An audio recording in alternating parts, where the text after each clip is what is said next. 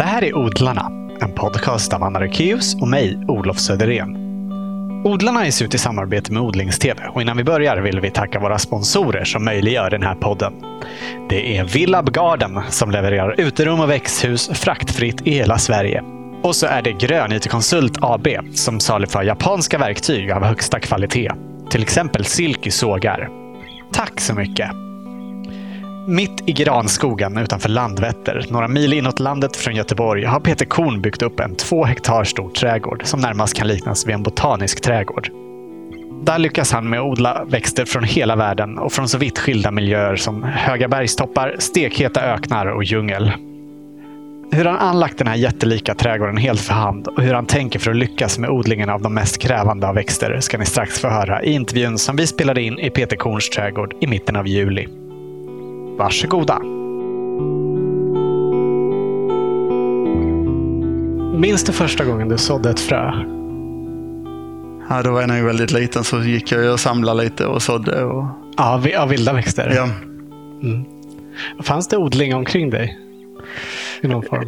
ja, men i väldigt normal form. Liksom villa trädgård eh, från 70-talet med halvdöda barrväxter och typisk svensk Svensson-trädgård. Svalt intresse? Ja. Men min morfar hade mycket rhododendron och en fin park. Och... Park säger du? Var det liksom en stor? Nej, det var bara en stor privat trädgård. Stor gräsmatta och rhododendron. Mm. Men liksom, han hade alla, fär- alla sorter, både röda, och vita och rosa. Ja, var var det någonstans? I Åsljunga. Var, var det där i närheten du växte upp också? Ja, det var där jag växte upp. Hur kom det sig att du började odla då? Ja, Det började som hobby och sen eh, spårade ur ganska snabbt.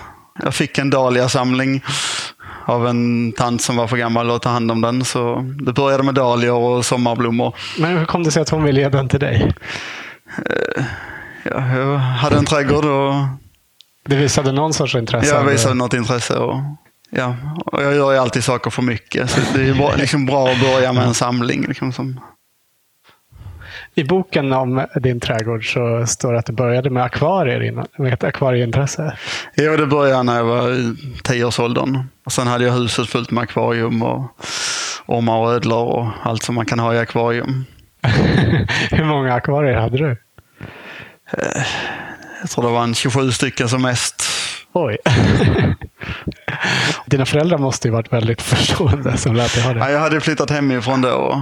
Ah, Okej, det var Ja, ja. när du var vuxen. Ja. Mm. Och redan där så börjar man liksom att skapa miljöer för att kunna odla eh, någonting. Där var det ju fiskar och då behövde man bygga upp miljöer med rätt vatten och rätt temperatur för att de skulle föröka sig. Så det var ganska lätt att koppla det till växter, att man även där måste skapa miljöer som gynnar växterna. Började du ha växter i de här akvarierna också? Då? Nej, jag hade nästan bara fiskar som åt upp växterna. Så det var inte förrän jag började med trädgården. Nej. Men stenpartierna liksom började ju i akvariet. Att jag byggde upp grottor och liksom klippmiljöer. Själva land, landskapet. Landskapet, liksom. Mm. Men sen fick du den här dahlia-samlingen då. Och vad hände efter det? Ja, Jag köpte ett hus i Örkelljunga och där var ju 3000 kvadratmeter trädgård. Just det, du köpte ditt, din första trädgård när du var 21. Ja, Var det för att få en trädgård som du köpte hus? ja. Ja, jag var sugen på det. Jag hyrde ett hus innan dess och intresset hade börjat redan där. Så jag köpte huset för att få en trädgård. Vill du berätta om den trädgården? Det var en helt vanlig villatomt. Ganska mycket träd. Det var en bäck som rann igenom den. Så det var bra förutsättningar. Ja, den var ju platt från början och jag byggde om den i sju år. Platt från början. Hur var den efter sju år? Ja, då var det rasbranter och ja, även där liksom började jag skapa alla miljöer för att kunna odla alla typer av växter. Du började bygga nivåer liksom. Ja. Hur kom det sig sen att du hamnade här då, i skogen utanför Landvetter? Eh, Mitt ex bodde här så jag hamnade här. Och, ja, här fanns 20 000 kvadratmeter granskog. Ja. Så det fanns ju liksom bra förutsättningar att börja med.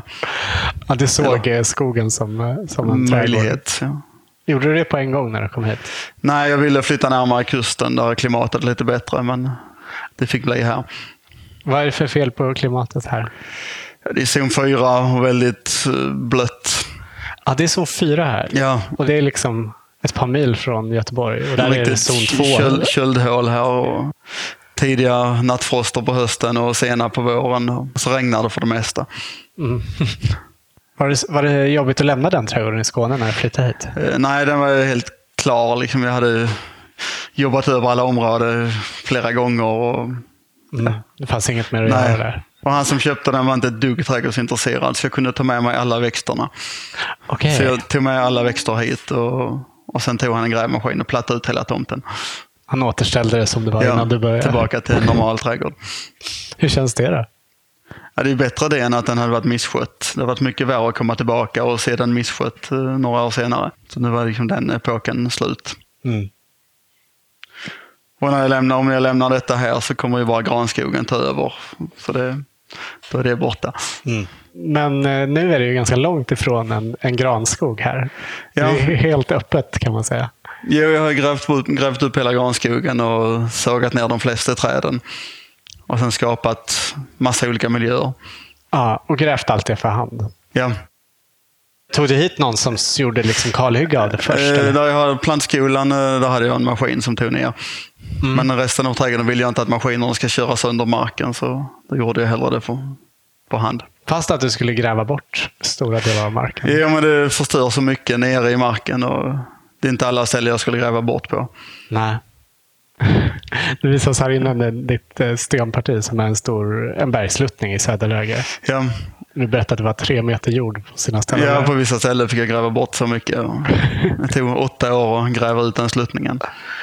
Åtta år? På alla lediga stunder. Ja. Så det var upp till tre meter jord jag fick gräva bort för att komma fram till berget.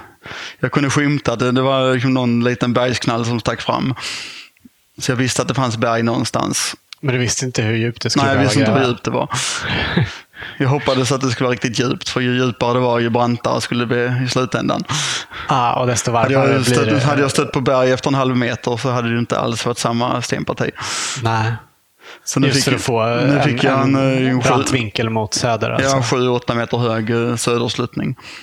Så all jorden jag grävde bort där, den använde jag för att forma om landskapet i resten av trädgården. Och alla stenar jag hittar de sorterar jag bort och sen tvättar jag rent dem från den sura jorden och använder dem i stenpartierna. Ja, det var, var det nödvändigt att tvätta dem? Ja, jag gjorde inte det i början och det är väldigt stor skillnad. Bara det att det är kvar den här liksom aluminiumjorden så är det fortfarande så att jag inte kan odla vissa växter i de rabatterna. Jorden är så, den är så sur så att den är giftig för växterna alltså? Ja, pH-värdet är så lågt så aluminium fäller ut. Och aluminium är giftigt för nästan alla växter, förutom ljungväxter och vissa som tål det. Aha. Det är därför det är liksom ljung och blåbär som växer här naturligt. Mm. Så jag får tvätta varenda sten i trädgården innan jag kan använda den igen. och det är ju... Några stycken det är inte ett litet stenparti på några meter, utan det är ju som du sa 7-8 meter hög bergvägg och sen, vad kan det vara? 5000 kvadratmeter är det. 5000 kvadratmeter? Ja, stenpartiet. Det är mycket sten. ja, men det finns ju 5000 arbetstimmar på ett år. Folk går på gymmet varenda dag och sliter ut sig helt i onödan. Och sen har du liksom eh, byggt upp landskapet som det ser ut nu av, de, av den jord som du grävde upp? Ja, jag har flyttat runt massorna på tomten. Har du någon aning om hur många kubik jord du har flyttat? Eh, nej, men jag har kört hit en 4-5 tusen ton med sand. Och sanden, det använder du till, det det jag använder till, till alla växter alla rabatter. För alla växter eh, du har växer bara i sand? Ja. Berätta hur du anlägger en sån rabatt. Jag lägger bara 20 cm sand ovanpå befintlig jord. Mm. Och planterar det? Och sen planterar jag det. Och Det är väldigt viktigt att man tar bort all jorden från krukan när man planterar. Så jag bara rotar allting och tvättar eh, rötterna helt rena så att det inte är något organiskt material. Sen planterar dem i sanden, vattnar en gång och sen får de klara sig själv. Och sen vattnar du aldrig mer? Nej. Men eh, behöver inte växterna någon näring? Alltså finns allt de behöver i sanden? Jag brukar gödsla lite grann med krysan precis när jag planterar. Och sen det är som höns, hönsgödsel? Ja. Och sen eh, i sanden finns det väldigt eh, mycket mykorrhiza, svampar som samarbetar med växterna. Så bäddarna är lite självgödslande. Svamparna mm. bryter ner sanden och ger mineraler till växterna och sen får svamparna tillbaka vad de vill ha. Vi gjorde ju förra året eh, en intervju med Nils Åkerstedt. Som, mm. han odlar ju bara i sand, men Han täcker alltid eh, ytan med gräsklipp för att växterna ska få näring. Jo, han odlar ju mycket grönsaker och då vill man ha liksom en skörd och mycket snabbare näring. Mm. Och då räcker inte svamparna till riktigt. Men har du provat att odla sånt i bara sand utan gräsklipp? Ja, jag hade ett trädgårdsland eh, tidigare. Och dill och morötter och allt liksom finbladigt. Kål funkade bra också. Mm. Det funkar bra i sand, men med lite gödselvatten på våren så att de kommer igång. Ja. Men däremot sallad och såna här liksom snabba bladgrönsaker, de blir bara beska och hårda. Okej. Har du provat med sådana saker också? Ja, jag provade salladen, blev jätteäcklig. Den var bara besk och hård. Ja. Så där får man gödselvattna eller lägga på gräsklipp. ja. Men till eh, perenner Ja, det så- tar så lite längre man inte tid. Nej, jag, jag, jag låter växterna ta tid. De kan få stå och stampa i några år liksom innan de sätter fart. Men då utvecklar de ett stort rotsystem och anpassar sig till platsen. Och Mm. stressar inte på dem. Men gödslar du aldrig mer sen efter det första som du gör när du planterar växterna?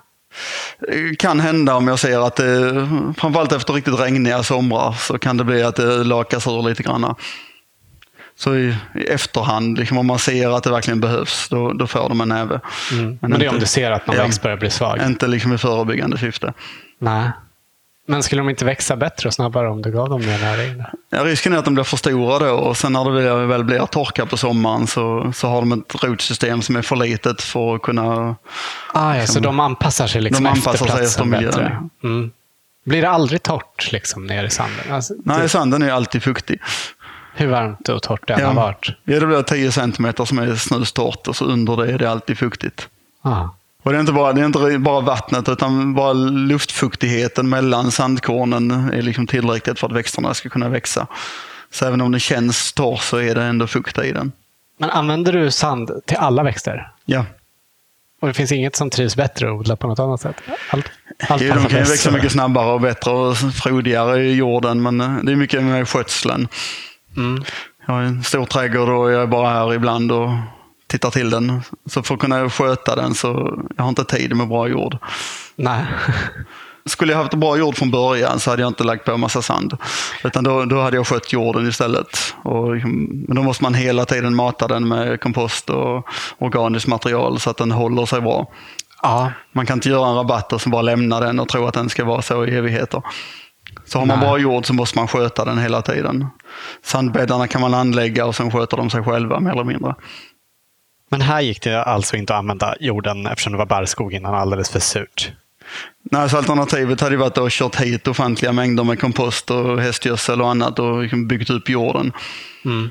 Istället kör hit sand och så lägger på det och så är det klart. Och de äldste bäddarna är ju 15 år nu och det växer fortfarande bra i dem. Fast jag inte har gödslat eller vattnat eller lagt på något nytt.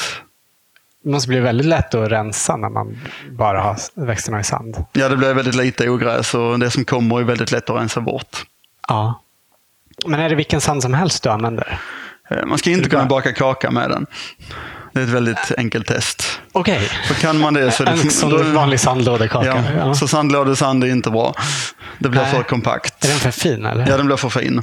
Då blir det för tätt. Det blir för fuktigt på vintern och torkar ut för mycket på sommaren. Så en, en grov sand som man inte kan baka kaka av.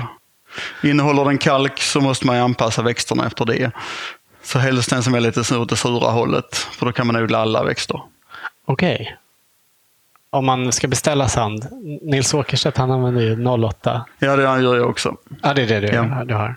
Det gör inget om den är grövre, men eh, ja, 08 är ju standard. Ja. Och sen är det inget mer man behöver tänka på när man odlar sand. Nej, det är att ta bort jorden noga. Och sen på vintern så städar jag rabatterna väldigt noga. Okej. För eh, man måste bli av med allt organiskt material.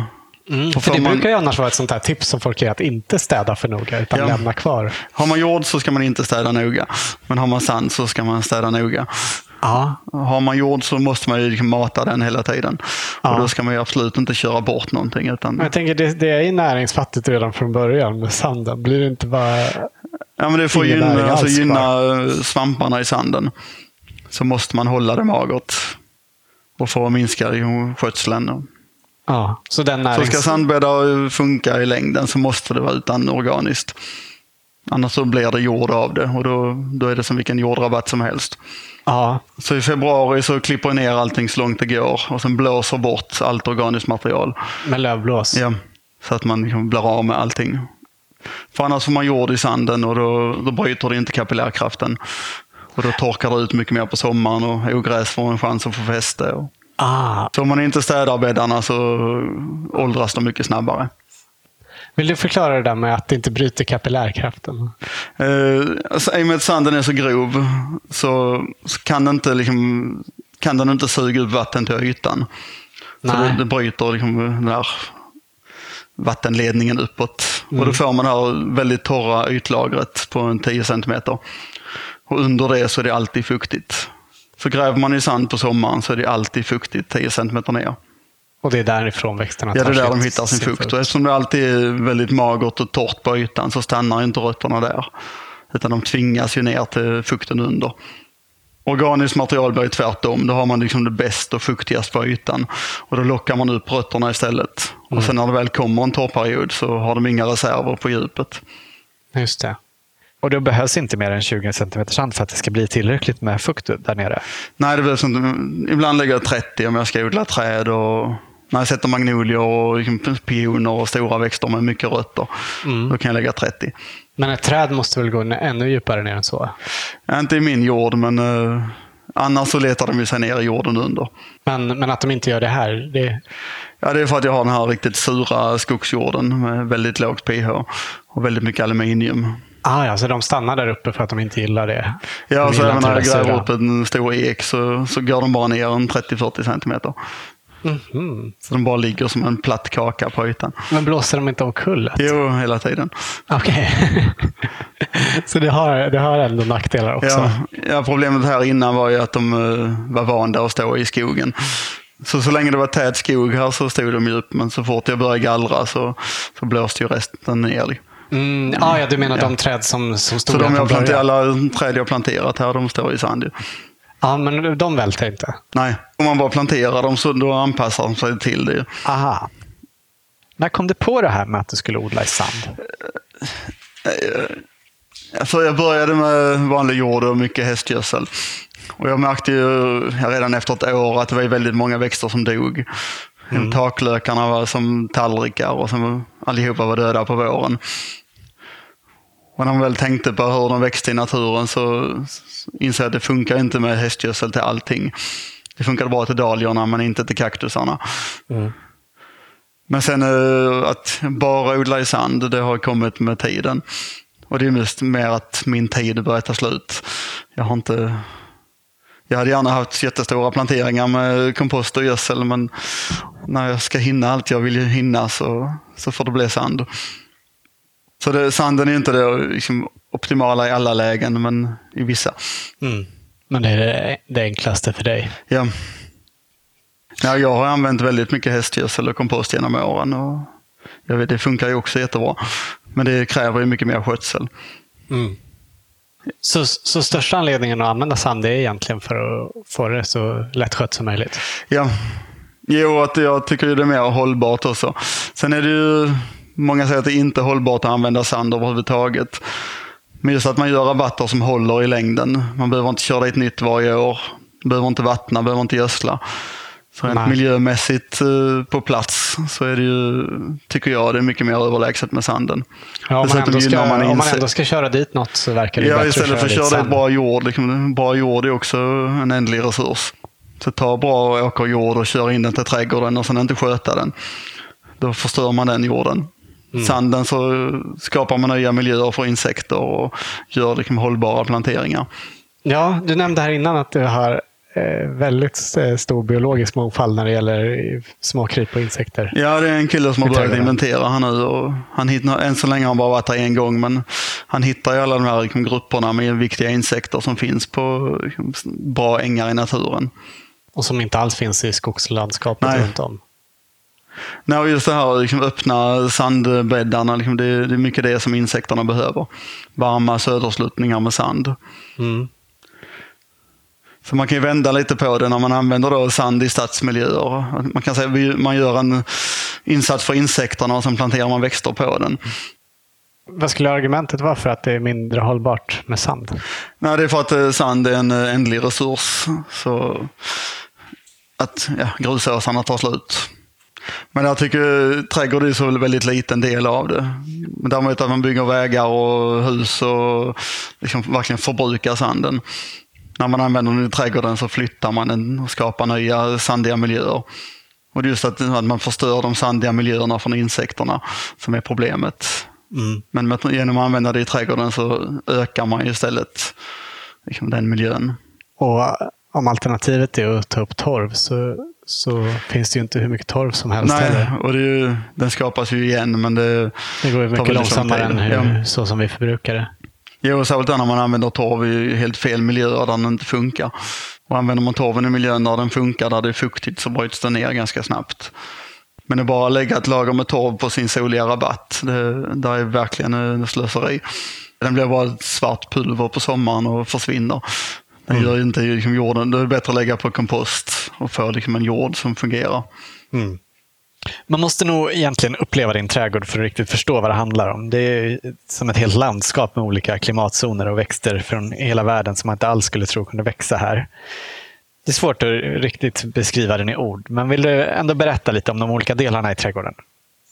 Ja, grovt sett så är trädgården indelad i en uh, mer prydnadsdel där jag har liksom färgglada planteringar och blandat med rariteter och vanliga perenner namnsorter och liksom allt som är snyggt. Mm. Och sen har jag en del som är mer en, uh, naturinspirerad, där det är mest vildarter från hela världen. Ser mm. ut mer som i naturen och inte lika liksom, stora färgglada blommor. Även om vissa växter från naturen kan vara väldigt snygga så har jag liksom valt att inte använda dem så mycket där. Och sen i mitten så är det en, som en stor ravin där bäcken rinner. Ja, det är naturlig liksom en myr i mitten. Den är mm. inte riktigt tillräckligt blöt för att vara en myr så den, eh, den växer igen ganska snabbt. Så jag får in där och ta bort buskar och sånt med jämna mellanrum. Okej, okay, men du vill, du vill att det ska se ut som en ja. myr? Liksom. Där har jag bara plussat på lite. Vad har du lagt till för grejer där? Det är lite rhododendron som växer bland lingonriset och ja, lite ormbunkar och mm. ja, annat som kan växa liksom, i den miljön. Mm. Och sen så har du en del växter som är hemma, typ i djungeln. Ja, där är Gunnaran eh, på andra sidan eh, myren. Ja, som är mm. två meter hög. Ja, det är det största man kan odla i Sverige. Av perenner alltså? Ja, bladskälkarna kan bli en 2,5 meter långa och bladen över 2,5 meter diameter. Mm. Det ser ut som någon sorts gigantisk rabarber. Eller ja. Någonting. Bladen är som sandpapper och skälkarna alldeles taggiga. Mm. Och det, står den i sand också? Uh, nej, det är en gammal bädd med torv och hästgödsel i botten. Men sen använder jag den som kompost. Så allt gräs jag trimmar uh, lägger jag runt den. Ja, för den vill ha lite mer näring? Ja, för att kunna, den måste ha obegränsat med vatten och, och så gärna extra näring för att bygga upp de här stora bladen. Mm. Men alltså, att, att den klarar det här klimatet, för den kommer från Sydamerika egentligen? Ja, den växer i Brasilien. Men det är en sån här som har varit med sedan dinosauriernas tid. Så den har varit med utsatt för eh, istider och har liksom gener i sig för att tåla ett kallt klimat, även om den växer tropiskt nu. Är den svår att odla här? Nej, jag tycker den är lätt. Jag har haft den i många år. Den blir bara större och större. Aha. Men läser man böcker så är det väldigt omständigt. Man måste bygga in den i små hus nästan på vintern för att få den att klara sig. Men hur gör du på vintern då? Jag tar bladen och lägger över. De bladen från Ja, de stora bladen själv. från plantan bara lägger över. Och det räcker som täckning? Ja, den är helt bottenfrusen varje vinter. Så. Den är mycket härdigare än man tror. Så ja. man ska inte läsa för mycket i böckerna utan testa själv. mm. Du har ju som sagt jobbat väldigt mycket med att skapa olika klimatzoner i trädgården. Ja, trädgården ligger det är en liten dalgång. Och då försöker jag utnyttja väderstrecken för att förstärka liksom, det varma och det svala. Så på södersidan så är alla bäddarna vinklade mot söder för att få dem så varma som möjligt. Så att solen verkligen gassar rakt på dem och värmer upp dem på dagarna. Och på norrsidan så lutar alla bäddarna mot norr så att de inte värms upp av solen. Så där blir det mycket svalare. Mm. Så på södersidan kan jag odla växter från eh, Kalifornien och Turkiet och på norrsidan är det växter från Himalaya och Nya Zeeland. Och framförallt på våren är det väldigt tydlig skillnad. Då kan man gå i t-shirt i stenpartiet i februari och solen liksom gassar på och då ligger fortfarande snön kvar på norrsidan. Mm. Så det är säkert två, tre månader längre växtsäsong på södersidan. Och där på, på norrsidan så visar det också att det hade gjort som små kullar för att få den här vind, vindeffekten på Ja, för de, de där högalpina växterna vill ju fortfarande ha det här blåsiga, soliga. Så det är branta kullar på södersidan och så långa norrsluttningar. Så att de värms upp så lite som möjligt Mm. och ändå får det här soliga, väldränerade. Och gärna så blåsigt som möjligt för vinden kyler växterna på sommaren. Det är lite ovanligt i trädgårdssammanhang att man vill ha det så blåsigt som möjligt. Ja, men de växterna som växer på ängar och liksom ovanför trädgränsen, där är det ju alltid blåsigt. Man känner ju faktiskt verkligen när man går runt i trädgården också att det är olika klimat. Nu är det en solig dag, men på, på den eh, norrsluttningen så var det betydligt svalare. Och när vi kom till eh, stenpartiet på sydsluttningen så var det verkligen stekande hett. Jo, det blir en väldigt stor skillnad. Jo, så om man går i shorts så känner man verkligen om benen att det är mycket kallare på norrsidan. Mm. Och på en riktigt varm dag i stenpartiet så kan det gå upp till en 50 grader i skuggan. Ja, det Så blir så pass varmt Perfekt alltså. för kaktusarna. Mm. Och när jag har sådana här liksom luftfickor där det står stilla på sommaren och så utnyttjar jag det till kaktusar och agave och de där växterna som vill ha det riktigt varmt. Så det finns ju aldrig några problemställe i trädgården utan alla de där extrema punkterna, det är de jag utnyttjar för att kunna odla de riktigt svåra växterna. Det är en möjlighet. Ja. Så att man inte ser problemen utan möjligheterna istället. Mm. Du har skrivit att du inte tycker man ska säga att det finns svårodlade växter utan bara svåråterskapade miljöer. Ja, ja men det ligger mycket i det. Kan man, vill man verkligen odla en växt så, så får man ju liksom skapa den miljön. Hur ska man tänka då? då? Vad är det viktigaste att ta hänsyn till? Så, ja, ta reda på hur den växer i naturen. Det är ju alltid en bra liksom, vägledning. Mm. Växer den på en eh, bergstopp eller växer den i öknen så är det bra att veta det. Ja, och hur tänker jag om, om jag har något från en bergstopp? Ja, då vill jag ha det så kallt som möjligt. Men det är samtidigt väldigt soligt och blåsigt. Mm. Men det är kanske vinter 8-10 månader om året och väldigt svalt på sommaren. Så det gäller att hitta en solig, blåsig, kall punkt. Och då genom att skapa ett norrsluttande stenparti. Då värmer inte solen upp stenpartiet för mycket på dagarna. Nej. Och den får ändå solen på sig och det är väldränerat. Och behöver den ännu kallare än så så kan man eh, försöka hitta ett fuktigt ställe att utgå ifrån. För då kyler vattnet rötterna på sommaren. Så då kan man få det här soligt och torrt och kallt och fuktigt. Och det är det de där alpina växterna vill ha. Och eh, om man har en som kommer från öken, från en öken. Ja, en varm södervägg, gärna med utskjutande tak så att det inte liksom regnar på rabatten. Och sen bygga upp den så att man verkligen värmer upp den så mycket som möjligt. Använda Ah. mörka stenar, göra en svart stenmur så värms den upp ännu mer. Ännu grövre sand för att få den ännu bättre dränerat. Så att man liksom gör det så varmt och torrt det bara går. Så Ah. kan man odla massa kaktusar och ökenväxter. Ja, du hade ju rätt, rätt mycket kaktusar borta i stenpartiet här. Ja, ja men det har ju också skapat en så varm miljö som det bara gick. Mm. Och sen har du ett skydd eh, här utanför där du har mer, kakt, mer kaktusar. Ja, det är ett eh, växthus som är öppet på sidorna. Ja, det är bara som ett Ja. växthustak. Och där har jag byggt upp eh, liksom klippskrivor med skiffer. Och skiffern är ju svart och när solen står på så blir det ju väldigt varmt på ytan. Ja. Så den lilla extra värmen gör att jag kan odla lite fler kaktusar än jag kan göra utomhus. Men hade det inte gått att eh, ha ännu fler om du hade satt väggar på växthuset också? Jo, men då är det lite fusk. Då kan man odla vad som helst. Så tak är, Så- tak är inte fusk. Så kan jag inte fusk. ja, det är på gränsen där. Just det, berg, eh, berg och, och öken pratar vi om. Vad har vi mer för sådana där nyckelplatser man kan tänka? Sen fuktiga Tänka lägen är det, det är många växter som måste ha den här liksom ständiga tillgången till vatten. Och har man inte det så är det väldigt svårt att odla dem. Men man kan ju göra en blötbädd. Det är som man gör en damm och så odlar man, liksom gör man en rabatt i dammen. Så att man hela, det blir som en stor självvattnande kruka. Så att de alltid har fukten underifrån. Men alltså, det finns ju så himla mycket fina trädgårdsväxter. Som eh, man kan odla i en vanlig trädgård utan att Ja. behöva tänka på de här sakerna. Ja, jag, jag odlar ju väldigt många av dem också. Ja, Men eh, nästan alla drömmer om att odla en blåbärgvalmo och det är, många tycker den är väldigt svår. Ja, Men genom då att skapa rätt förutsättningar så är den inte alls omöjlig. nej. Om man bara liksom gör det här lilla extra. Ja, just den hör man ju ganska ofta folk som Ja. försöker med. Hur ska man göra exakt för att, för att lyckas? Ja, men det är ju samma där. Svalt om fötterna. Så hitta den kallaste platsen i trädgården. Där rötterna har det svalt hela tiden. Men den måste ändå ha lite sol på sig för annars blommar den inte. Så det får inte vara i helskugga. Nej. Så en liten halvsolig eh, blöt plats som är hyfsat bra dränering. För står den blött så ruttnar den på vintern. Det var faktiskt så jag gjorde. Min, min första sandbädd var just för att odla bergvalm och svåra primulor. Ja. Så då gjorde jag en sandbädd eh, längs bäcken.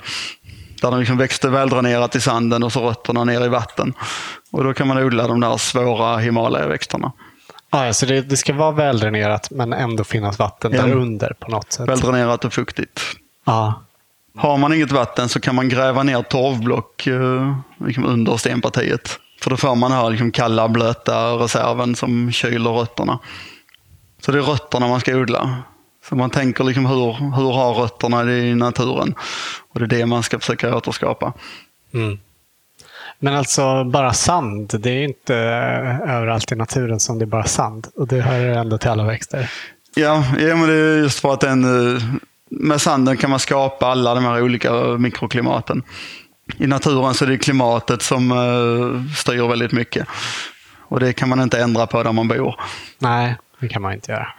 Men man kan kyla rötterna på olika sätt eller värma upp bäddarna. Mm. Var, det, var det nere i Skåne som du provade den här bergvalmon? Ja, Var det utifrån det sen som du började utveckla den här metoden med sandbäddarna?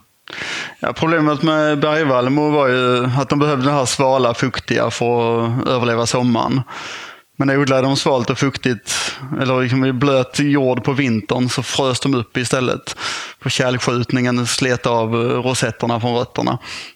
Så för att undvika det så vill jag ha något som var väldränerat, så att de inte lyftes på vintern och ändå liksom var väldränerade och fuktigt på sommaren. Och då var sanden väldigt bra, för den reser sig inte på vintern även om den är blöt. Så då slapp jag kärlskjutningen och jag fick det svalt och väldränerat på sommaren.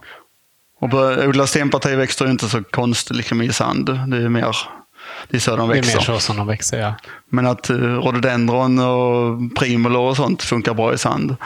Rhododendron så slipper jag all, eh, alla källskadorna. Ja, Alltså, för de inte en- det är odlar man ju torv. Alltså sur Ja, men, torvjord. här i torv så, så är det ofta, torvblocken kan ju vara frusna in i maj. Och då står solen och bränner och det är 25 grader varmt. Och då, bara, då kan ju inte rötterna suga upp nytt vatten och då torkar bladen ut. Men i sanden blir det väldigt lite tjäle och den släpper väldigt snabbt. Så där får jag inga tjälskador. Nej. Så fort solen värmer så värmer den upp sandbäddarna och rhododendrorna får tillgång till vatten. Så nu har jag börjat sätta alla rhododendron i sand och får mycket mindre skador på vintern. Mm. Men när du kom hit sen, började du direkt bygga upp hela trädgården med sand då? Nej, jag, jag hade en granne som eh, hade hästar så jag, jag fick fri tillgång på hästgödsel. Så jag använde mycket det för det var gratis. Ja. Så hela skogsdelen var mer som eh, permakultur med eh, allt, allt ris och grenar i botten. Och sen la jag kompost och hästgödsel ovanpå det. Och det funkar ju bra men även där måste man då mata det hela tiden. Det räcker inte att göra en bädd och så tro att den håller i evigheter. Så de där en och en halv meters kompostbäddarna, efter tio år så var det bara 10 centimeter kvar. Så det, man måste hela, till grönsaker kan man ju lätt liksom lägga på nytt hela tiden. Men när man odlar perenner så är det svårt att lägga på ett tjockt lager varje år. Eller får man lägga på ett tunt lager Ja. innan de börjar Ja, då får växa man göra det flera gånger per säsong. Ja. Och samtidigt som man lägger på komposten så lägger man på några miljoner ogräsfrö. Så det hinna sköta en stor trädgård och plantskola och allt annat. Så, så fick jag sluta med det. Mm. Ja, jag har ju fortfarande några eh, gamla torvpartier kvar men de är nästan överväxta nu.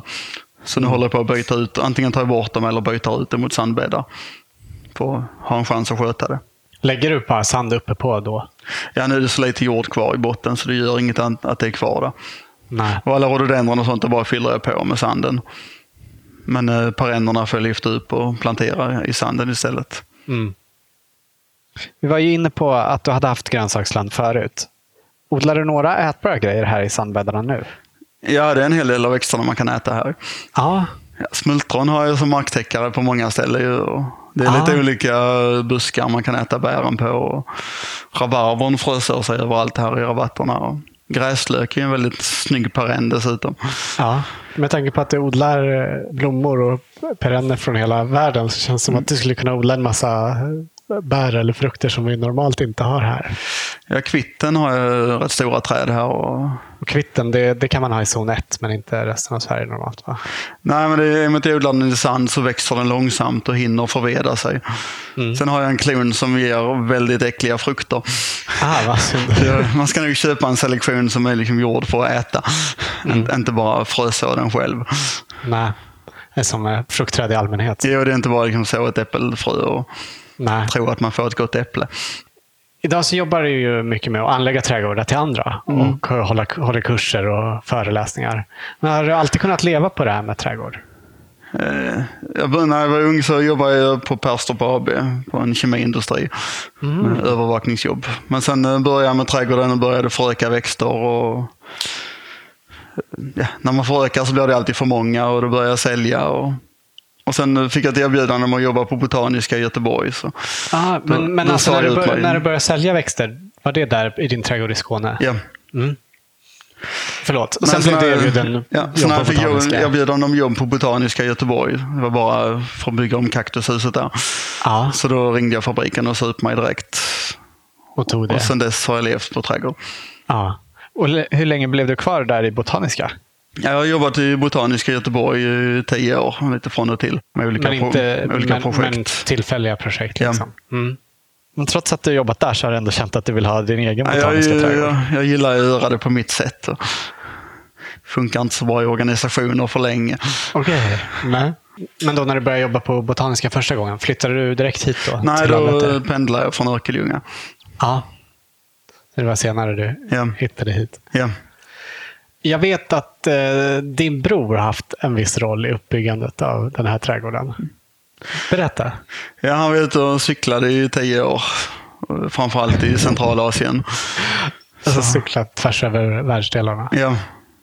ja, Stockholm till Hongkong. Och, ja. Sista resan var från Egypten till Kina och tillbaka till Sverige. Och han är biolog i botten och under hela turen så samlade han in små fröpåsar som han skickade hem till mig.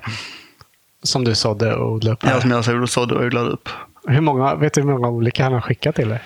Över 7000 påsar. Oj. under, under tio års tid. Ja.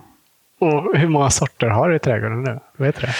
Jag hade eh, 12 000 som mest. Men eh, nu har jag börjat sortera och gallra ut de som inte riktigt är odlingsvärda.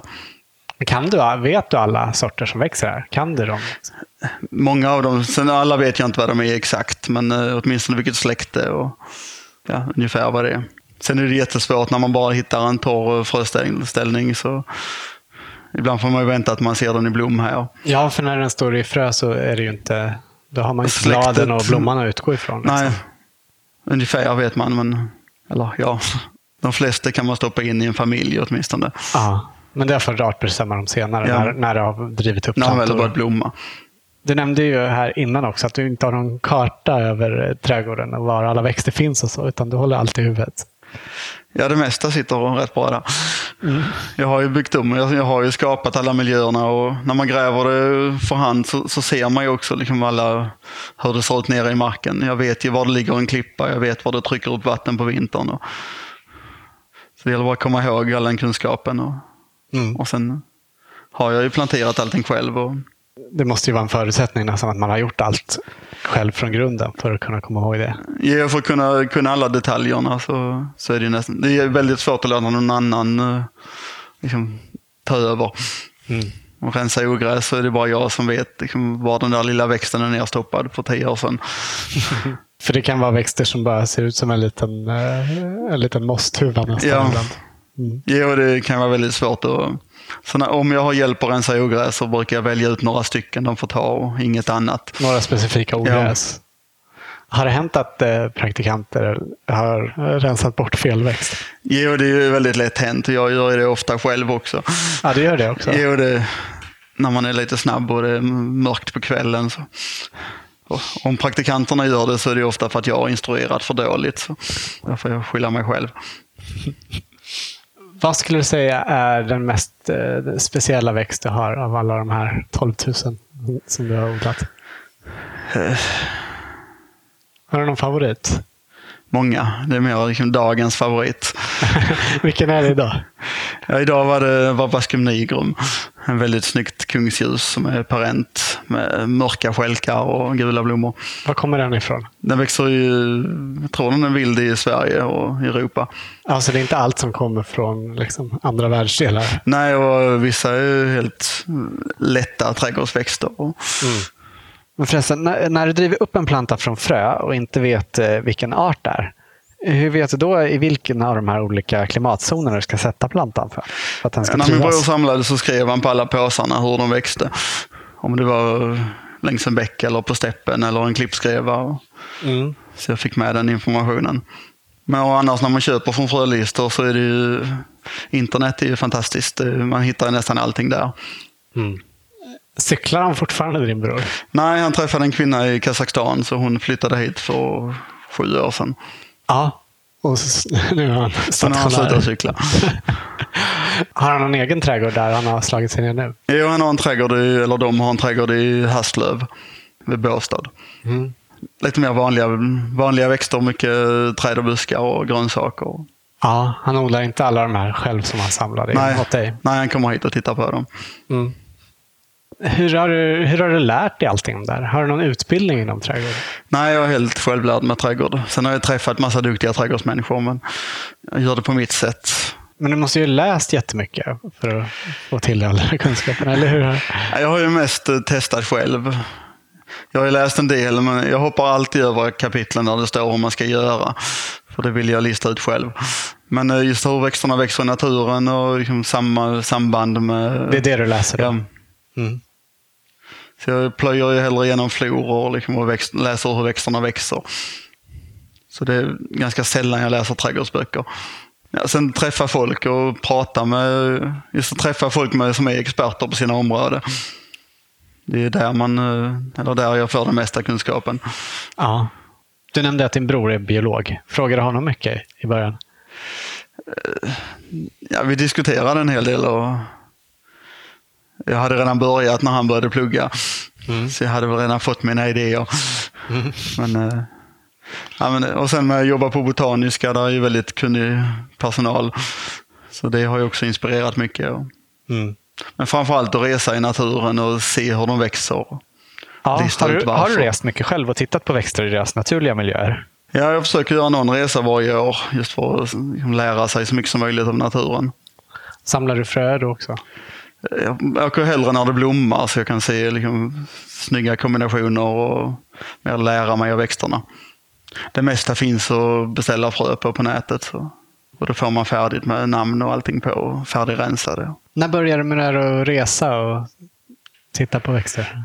Eh, reste gjorde vi mycket när jag var liten. Då. Vi åkte med husvagn eh, kors och tvärs i Alperna eller i Europa. Ja.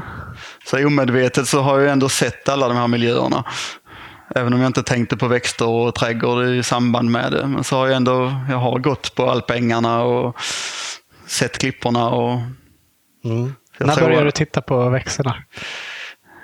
Ja, det var, och sen var jag mycket och fiska i svenska fjällen. Mm. Och då var det också, liksom, bara genom att se på växterna så kan man se var man kan gå. Liksom, där det växer en viss växt så vet man att där är det sumpigt. Och där det är andra växter så vet man att det är torrare. Mm. Så även om man inte tittar på växterna i sig så läser man av eh, liksom, miljön.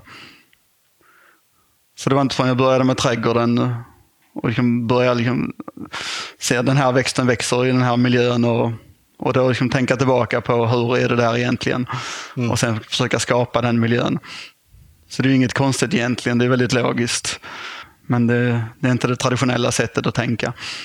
Men det är inget avancerat egentligen, utan det är bara logiskt tänkande. Mm. Som bryter ner det till det som verkligen är viktigt.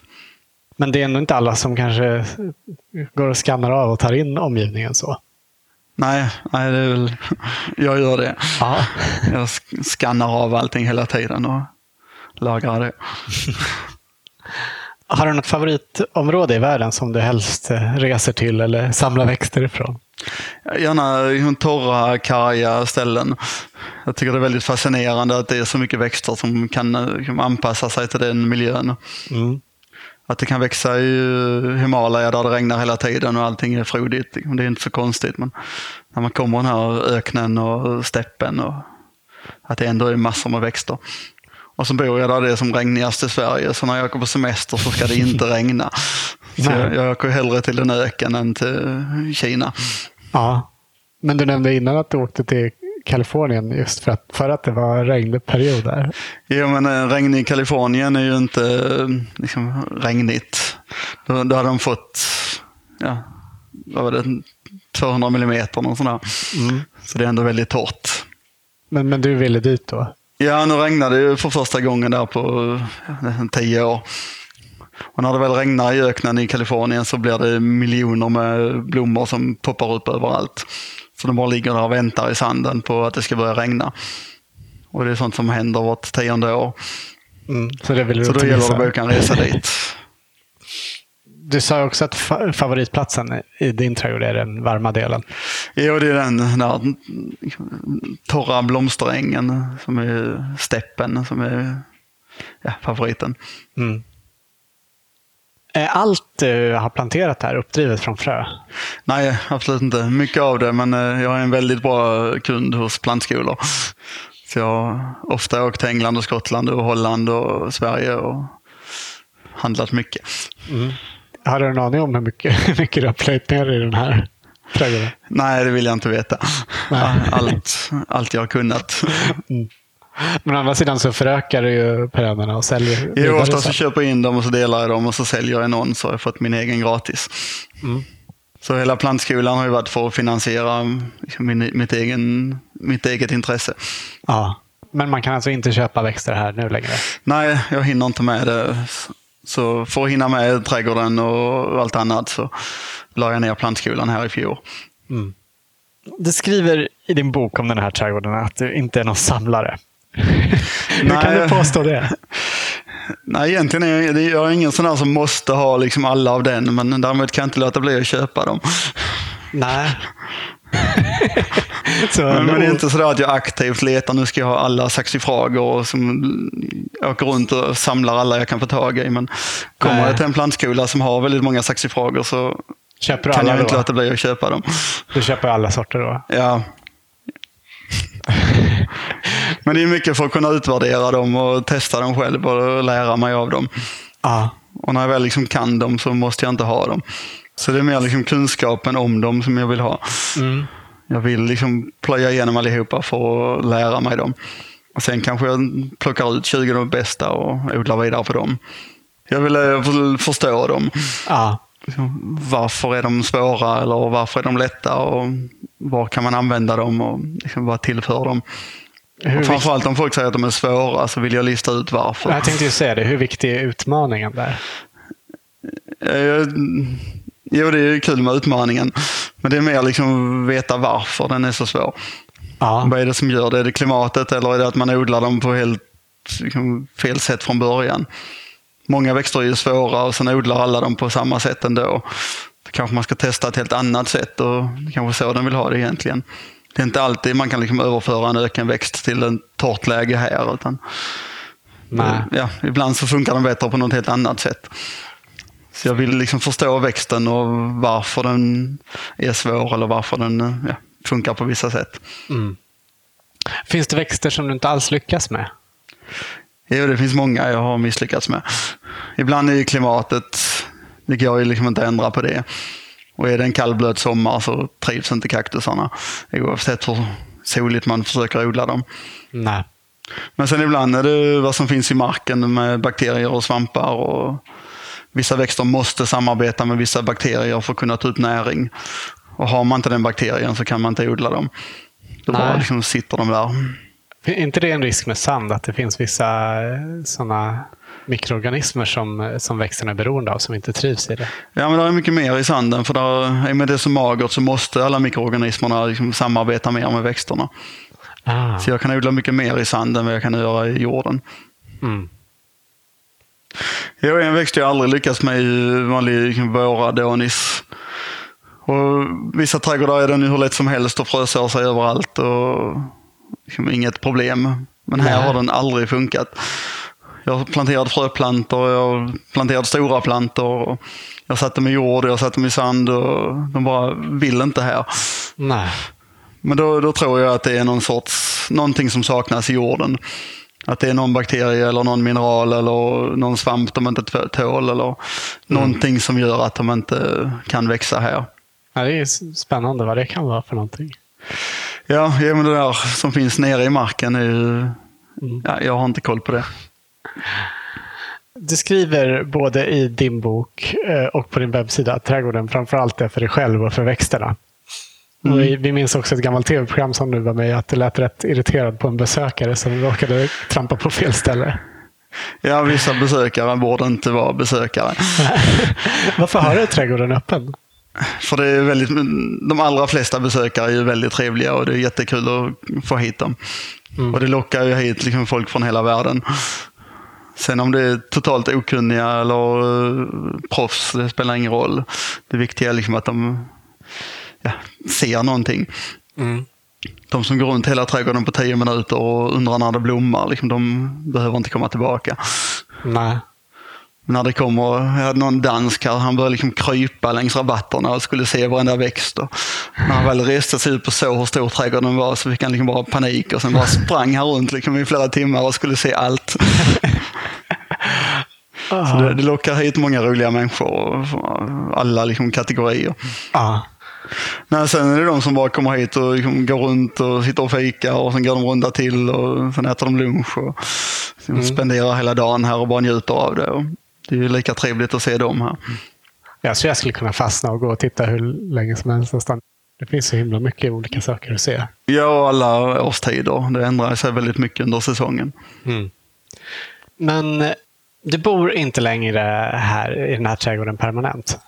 Ja, vi har en trädgård utanför Hör, mitt i Skåne. Hur kom det sig att du flyttade dit?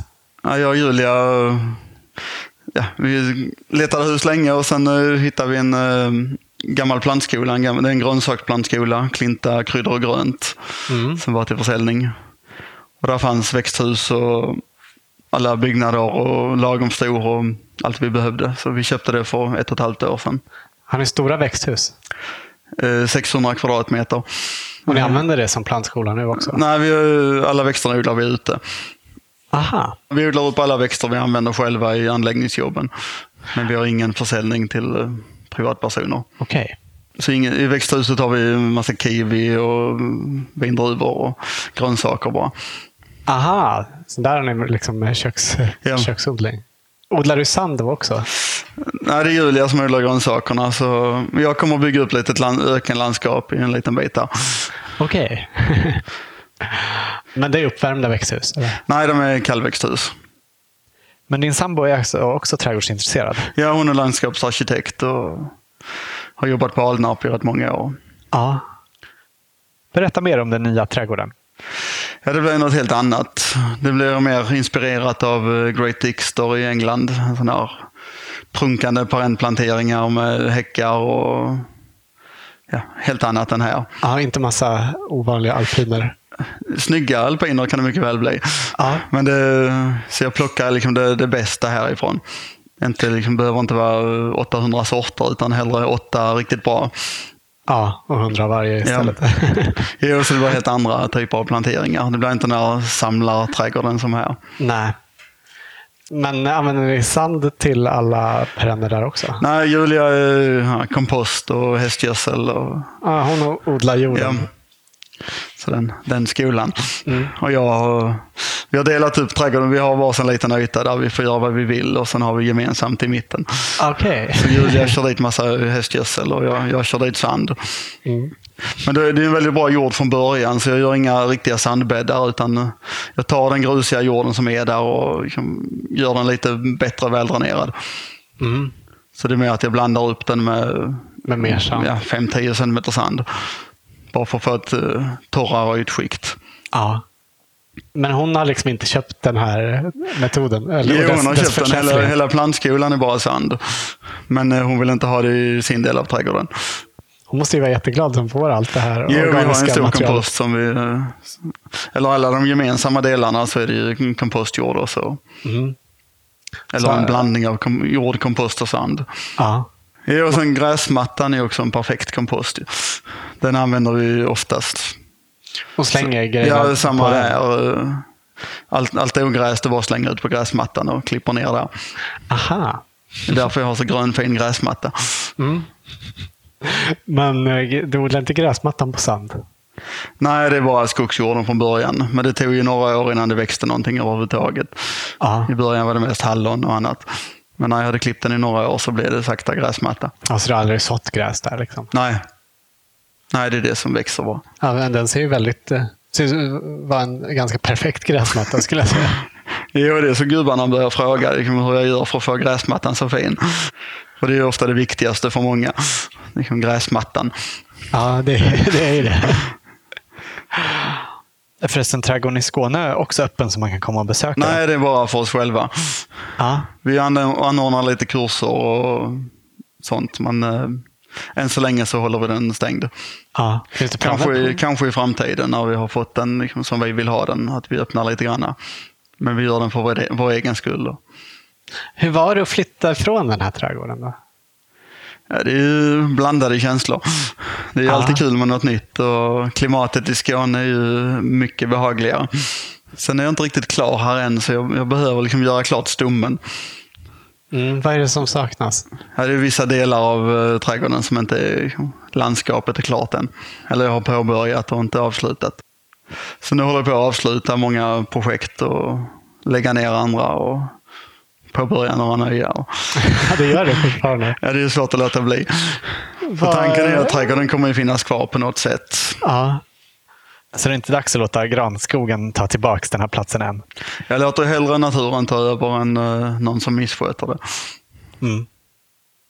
Men det hade varit lite synd på den här trädgården tycker jag om den försvann. Ja, du skulle vilja att någon, den dagen du inte vill ha den kvar, Jag skulle vilja hitta någon, eldsjäl som kan liksom, ta över den och sköta den antingen åt mig eller ta över den helt. Ja, är det en efterlysning här? Ja, Om någon vill sköta, vill och tror att de kan sköta Peter Korns trädgård så nej men det, snart är stommen kv- kvar och sen ska den liksom utvecklas i nästa steg. ja. Nej, och sen finns det så otroligt mycket växter här som jag använder i anläggningsjobb och flyttar Ja. ner till den nya trädgården. Mm. Är, det, är det så för dig att när du är klar, då, då vill du göra något nytt? Jag blir aldrig klar för jag har alltid startat några nya projekt under tiden. Ja, men det är inte så att du tänker sit- att en dag ska jag bara sitta här och titta och njuta. Nej, det är hemskt tråkigt. Hur lång tid är det det har tagit för dig att bygga upp det här? Ja, det är 12 år höll jag på intensivt och sen har jag bott i Skåne nu i tre år. Så nu sköter det bara. Nu har jag lagt ner plantskolan här för att kunna hinna med det. Så nu har jag fått lite mer tid att liksom, ta tillbaka trädgården från naturen. Mm. Du har inga anställda som sköter det när du inte är här? Ja, Jag har en kille som trimmar och ja, sköter det lite grann. Men annars sköter jag det själv. Mm. Hur, och hur mycket är du här då? Hur pass eh, länge klarar sig du trädgården själv? Ja, det är det som är så bra med sandbäddar, att man kan lämna dem i flera år. Och sen på några timmar så tar jag tillbaka den. Det är, så, det- är så väldigt lätt att rensa bort allting. Och bara få bort det organiska på ytan och rensa bort ogräset. Och sen funkar de bra igen. Hur mycket är du här nu? Ja, det är varannan vecka jag här någon dag. Och det räcker liksom? F- Ja, Fast och sen det, höjer jag ut huset på vintern så att det alltid är någon här. Och, ja. Ja. Och det är två hektar som är i, Ja. ordning, i ordningställd trädgård? Liksom. ja. Nej, så det är inte många timmar med. Det är ju nedklippningen på våren som tar mest tid. Och det mesta jag rensar bort är sånt som jag själv har planterat in som frösår sig lite för mycket. Okej. Är du inte rädd att saker ska börja sprida sig ut i naturen? Sånt här som har kommit från någon annan världsdel. Jag bor ju mitt i granskogen och det är väldigt svårt för dem att sprida sig runt eh, liksom härifrån. Men sen använder jag inte växter i anläggningsjobb som jag har, ser, liksom, ser jag tendenserna här att de kan bli ett problem så använder jag inte dem. Nej. Vilka är de största problemen du har i den här trädgården? Det är ju klimatet är det stora problemet här. Att det regnar för mycket och alla tidiga och sena nattfroster.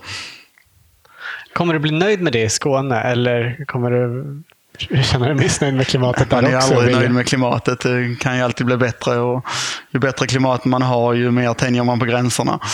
Mm.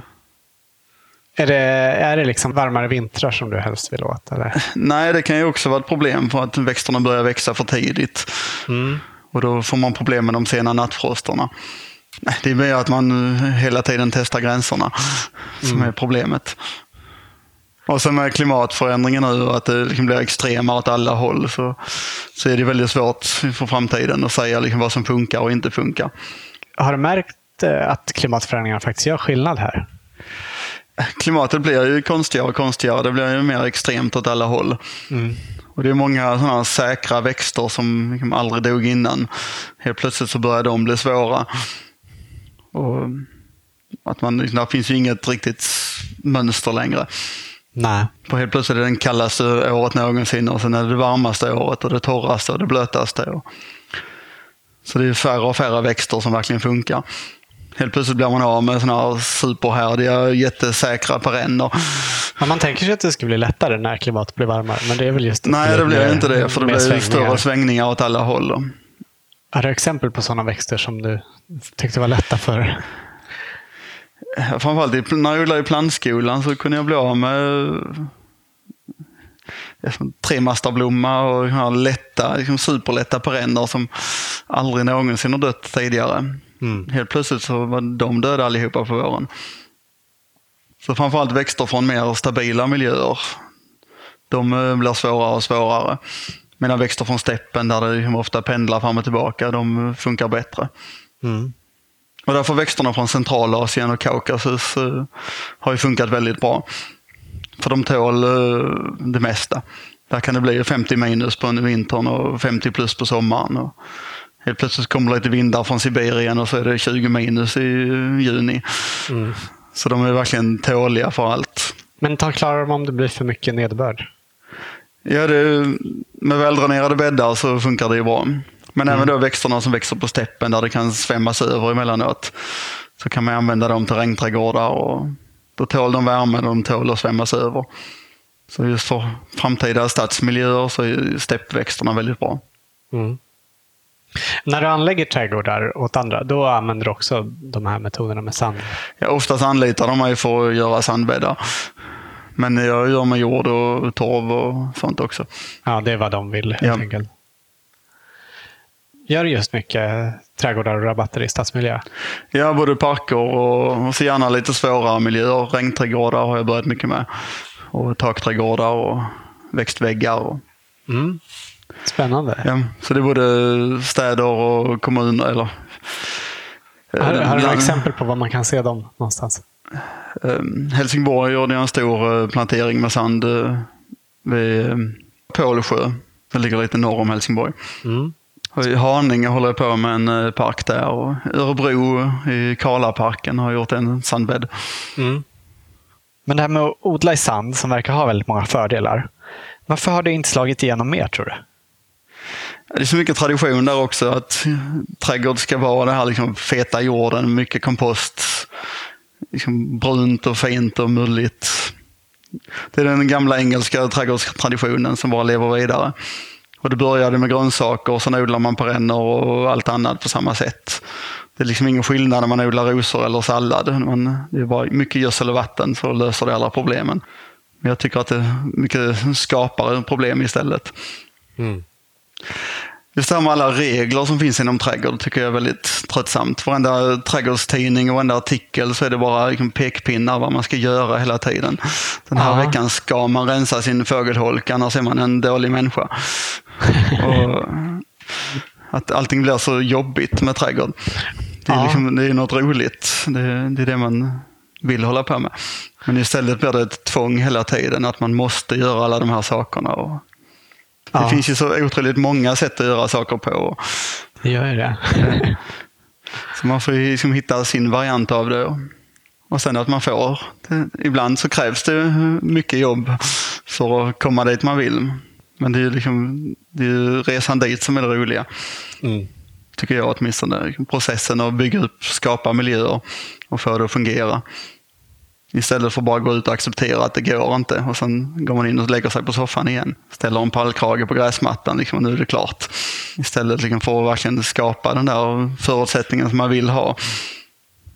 Det står ju klart att du är beredd att göra väldigt mycket för växterna. Vad gör växterna med dig? Ja, man blir glad när det lyckas. Och just då, den här känslan av en sommaräng är väldigt trevlig tycker jag.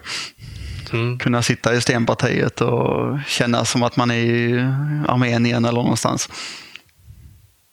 Men även de här färgerna och insekter. Och, ja, man blir glad av det. Mm. Du har skrivit att du ofta får frågan vad som driver dig och att du inte riktigt förstår den frågan. Men vi undrar ju också det. Va, vad är det du tycker är knepigt med den frågan? Ja, men det är det här jag vill göra. Det är, ja, ja. det är det som driver dig helt ja. enkelt. ja. Jag vet när jag stod och grävde i stenpartiet någon här stekhet augustidag. Så mm. stod jag och funderade på vad jag skulle gjort om jag hade semester. Och då ja. hade jag ju stått där och grävt. Så det, jag gör ju liksom det jag drömmer om hela tiden. Mm.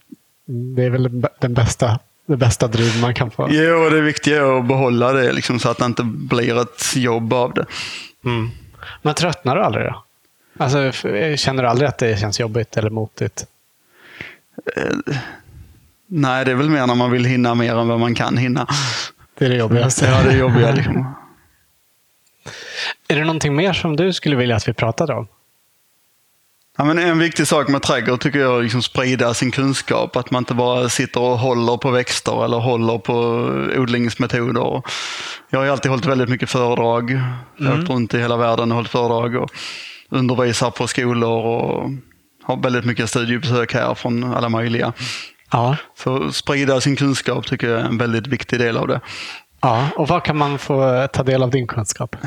Ett sätt som nu i höst så organiserar jag och Julia en eh, perennkonferens. Och den är lite mer inriktad på branschfolk som jobbar med trädgård. Just för att få hållbara planteringar i offentliga miljöer. Ja.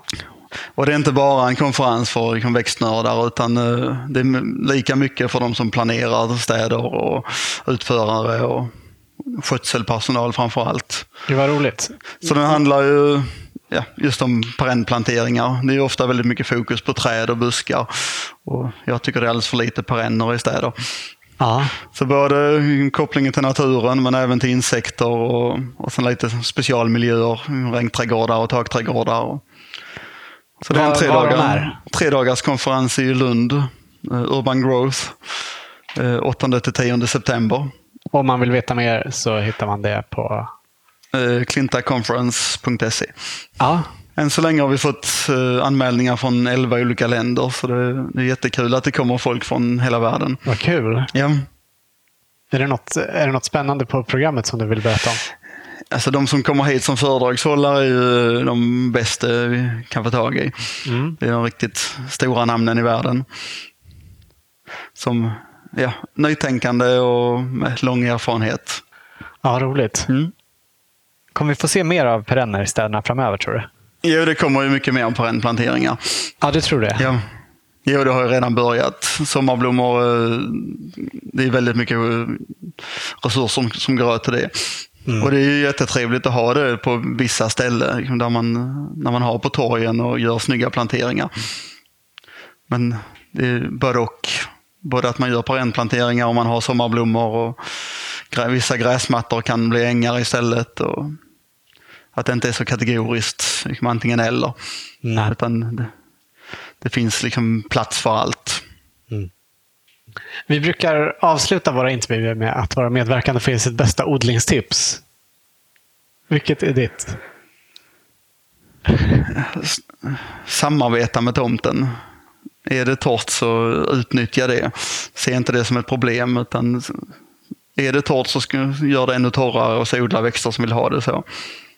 För de torktåliga växterna mår inte bättre av att man lägger torv på dem utan de vill ju ha ännu bättre dränerat så de kan gå ner på djupet.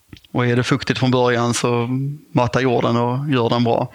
och odla sådana växter som Ja, trivs i det. så sätt inte lavendel i woodlandet och sätt inte primulor i stenpartiet. Nej. Men eh, om du hade följt det själv fullt ut, då hade du haft eh, blåbär och lingon här. Jo, men man får ju skapa den miljön man vill ha. Liksom, och sen sätter man växten på sin plats. Ja. Så du börjar med landskapet och Jo, sen, man får ju börja med grundförutsättningarna och så samarbeta med dem. Mm. Nej, det hade varit väldigt tråkigt om man bara liksom odlade det man kunde odla på sin tomt. Mm. Så formar den först och sen växterna. Ja, Ja. så skapa miljöerna man vill ha och sen odlar man de växterna man vill ha. Mm. Tack så jättemycket för att vi fick komma hit, för att du tog dig tid för oss. Bara trevligt.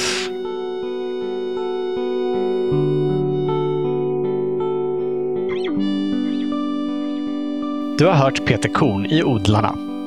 Trädgården utanför Landvetter är öppen för besökare var fjärde helg under sommarhalvåret. Exakt när kan du läsa på webbsidan peterkornstradgard.se. Där går det också att beställa boken som Peter Korn skrivit om sin trädgård.